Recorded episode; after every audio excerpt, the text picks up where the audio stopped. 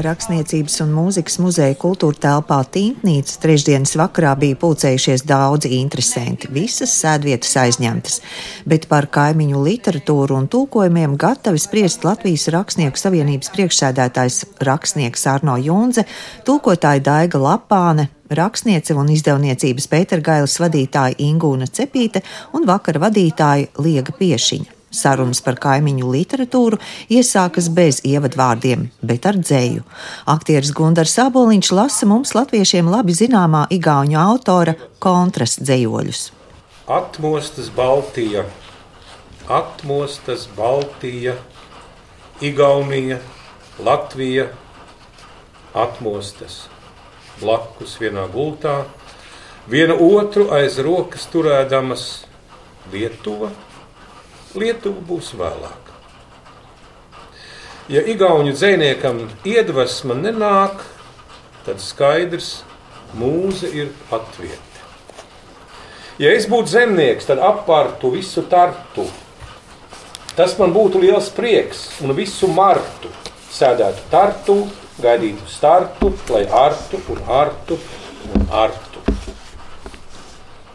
Šodien neviens kaut cik nopietni ņemams rakstnieks savai grāmatai neliktu nosaukumu Karš un miers. Droši vien nosauktu konflikts un dialogs. Tas bija dzinieks kontra. Kontra, Jā. kontra šis. Jā, tas bija kontra. Un jāsaka, ka viņš taču ir arī eh, Latvijas Rakstnieku savienības biedrs. Jā, viņš Jā. iestājās Rakstnieku savienībā. Viņš nav pirmais uh, Igaunis. Teiksim, divi noteikti ir, bet tur vēl varbūt tāds slēpjas. Krūmos, zem pseidonīma. Zem pseidonīma, jā. Bet, Kuri tad ir? Nu, pirmais ir, ir, ir Hannes Korjus, kurš iestājās. Pirmais nu, man zināmais, es pieļauju arī agrāk, kāds ir bijis. Es nevaru atbildēt par visiem senajiem laikiem, jo Latvijas Saksnieku savienība principā ir no 19. gada, nevis no 40.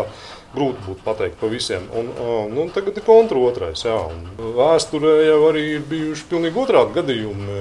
Nerunāsim par Māju Grīmbergu un Gunteru mm. Godiņu, kas ir Igaunijas arī Rakstnieku savienība biedri, bet mums ir Augusts Gailīts, kas piedara Nu, kam tad viņš īsti pieder? Šis Igaunijas rakstnieks, kurš sāk kā latviešu žurnālists, kurš rakstīja latviešu. Pēc tam viņš aizbrauca uz Somiju, no turienes publicēja kaut kādas reportāžas pirms Pirmā pasaules kara.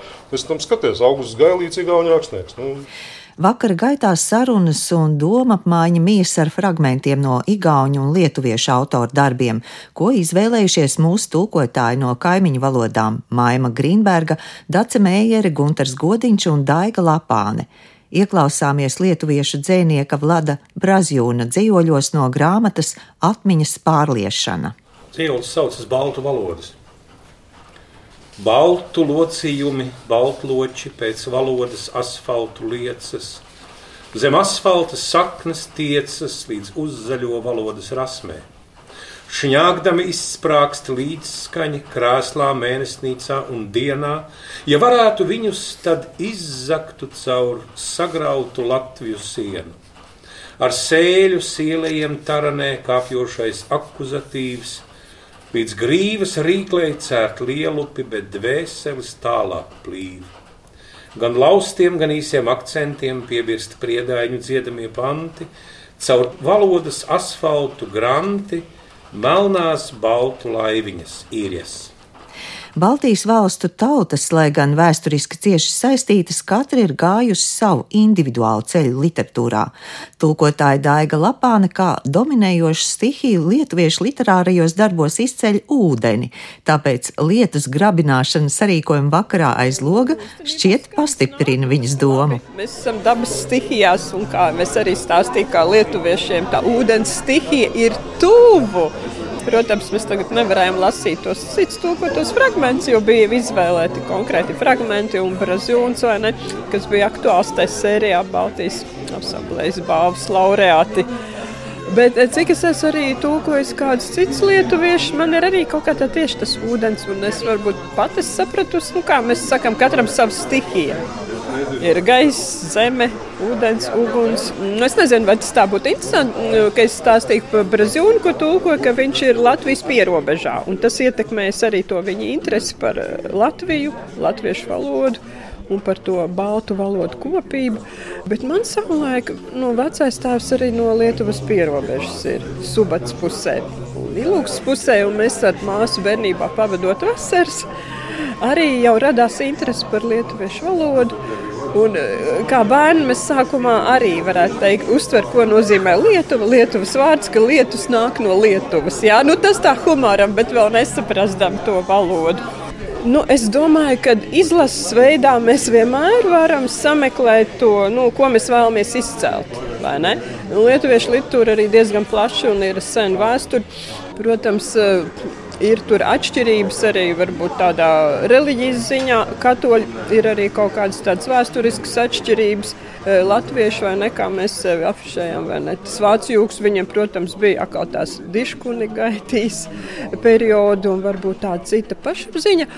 Nu, un tam man ir saistījuši, protams, arī tādas kopsakarības un arī ar valodām interesi par valodu kopību, tāpēc arī varbūt izcēla Brazūnu, jo viņš tā spēlējās un uh, viņš izmanto kādus uh, pat latviešu vārdus un pat tādus jaundarinājumus mazliet veido. Baltijas asamblejas balvas izdevumi ir labi atpazīstami pēc vizuāli vienotā noformējuma. Arno Junze atklāja, kā sākusies viņa saistība ar Baltijas asamblejas laureātu darbu sēriju. Tas bija kaut kāds 2000. gads, iespējams. Es neatceros, kurā gadā tas tika nodibināts, bet es ļoti labi atceros Ulu Bērziņu, es atceros Leonu Briedi, Knutu Skujnieku, kas pārliecināti stāstīja, ka beidzot tos darbus visus tulkos gan igauņu, gan lietuviešu valodā. Tas attiecās uz latviešu autoru uzvarētāju darbiem, savukārt viņu darbi tiks tulkoti latviešu valodā.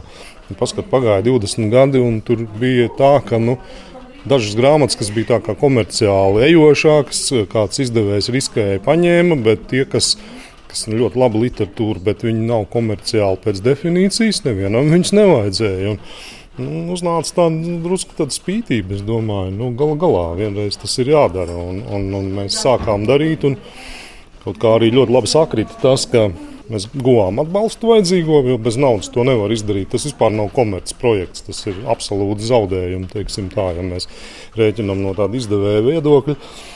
Un mēs sākām, un labi viņš aizgāja, un bija iespēja arī savākt tos tulkojumus, atzīvojumus, kas jau bija sen tapuši, nevienam nebija vajadzīgi, un tur visādi apstākļi sakrita tā es te esmu ar šo jau kā izdevējs. Kaut gan man nekad nav tiksim, bijis mērķi būt par izdevēju, bet nu, šis ir principi jautājums Rakstnieku savienībai.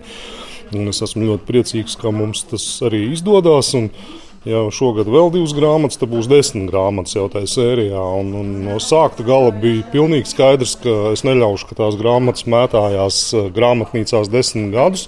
Mēs viņus ņemsim ārā. Mēs jau esam dāvinājuši, mums drusku nojuka ar Covid, kad nu, bija tas brīdis, kad ne pie viena nevarēja aizbraukt.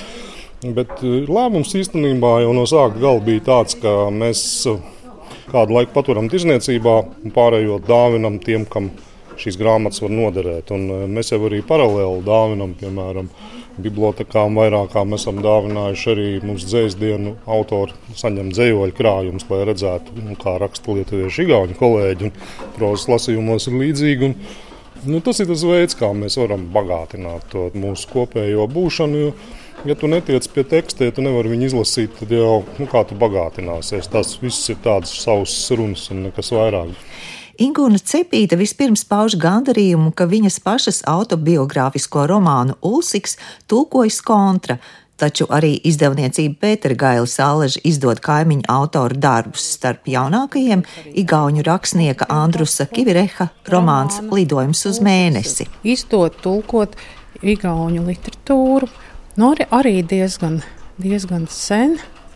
Ja ir tulkotāji, ja ir labi tulkotāji, Gunārs Godiņš ir divas kivirēku grāmatas, tulkojas nu, bērnu literatūra, protams, igauņu próza, cepuri nost, cepuri nost tiešām. Kā es esmu vairāk kārt minējusi, un tulkotājs ir minējis, tā asprātība, humors, groteska, arī vēstījuma veids, kas ir igauņu prozistiem, pie tam gan pieaugušo literatūrā, gan bērnu literatūrā. Es arī esmu minējis, mēs esam izdevuši Kairī Lokas, trīs grāmatas vēl grasamies izdot starp arī mūsu bērnu prozaiķiem tādu varētu pameklēt. Tiešām nu, spoži. Nu, arī lietuviešu literatūru mēs, protams, esam izdevuši.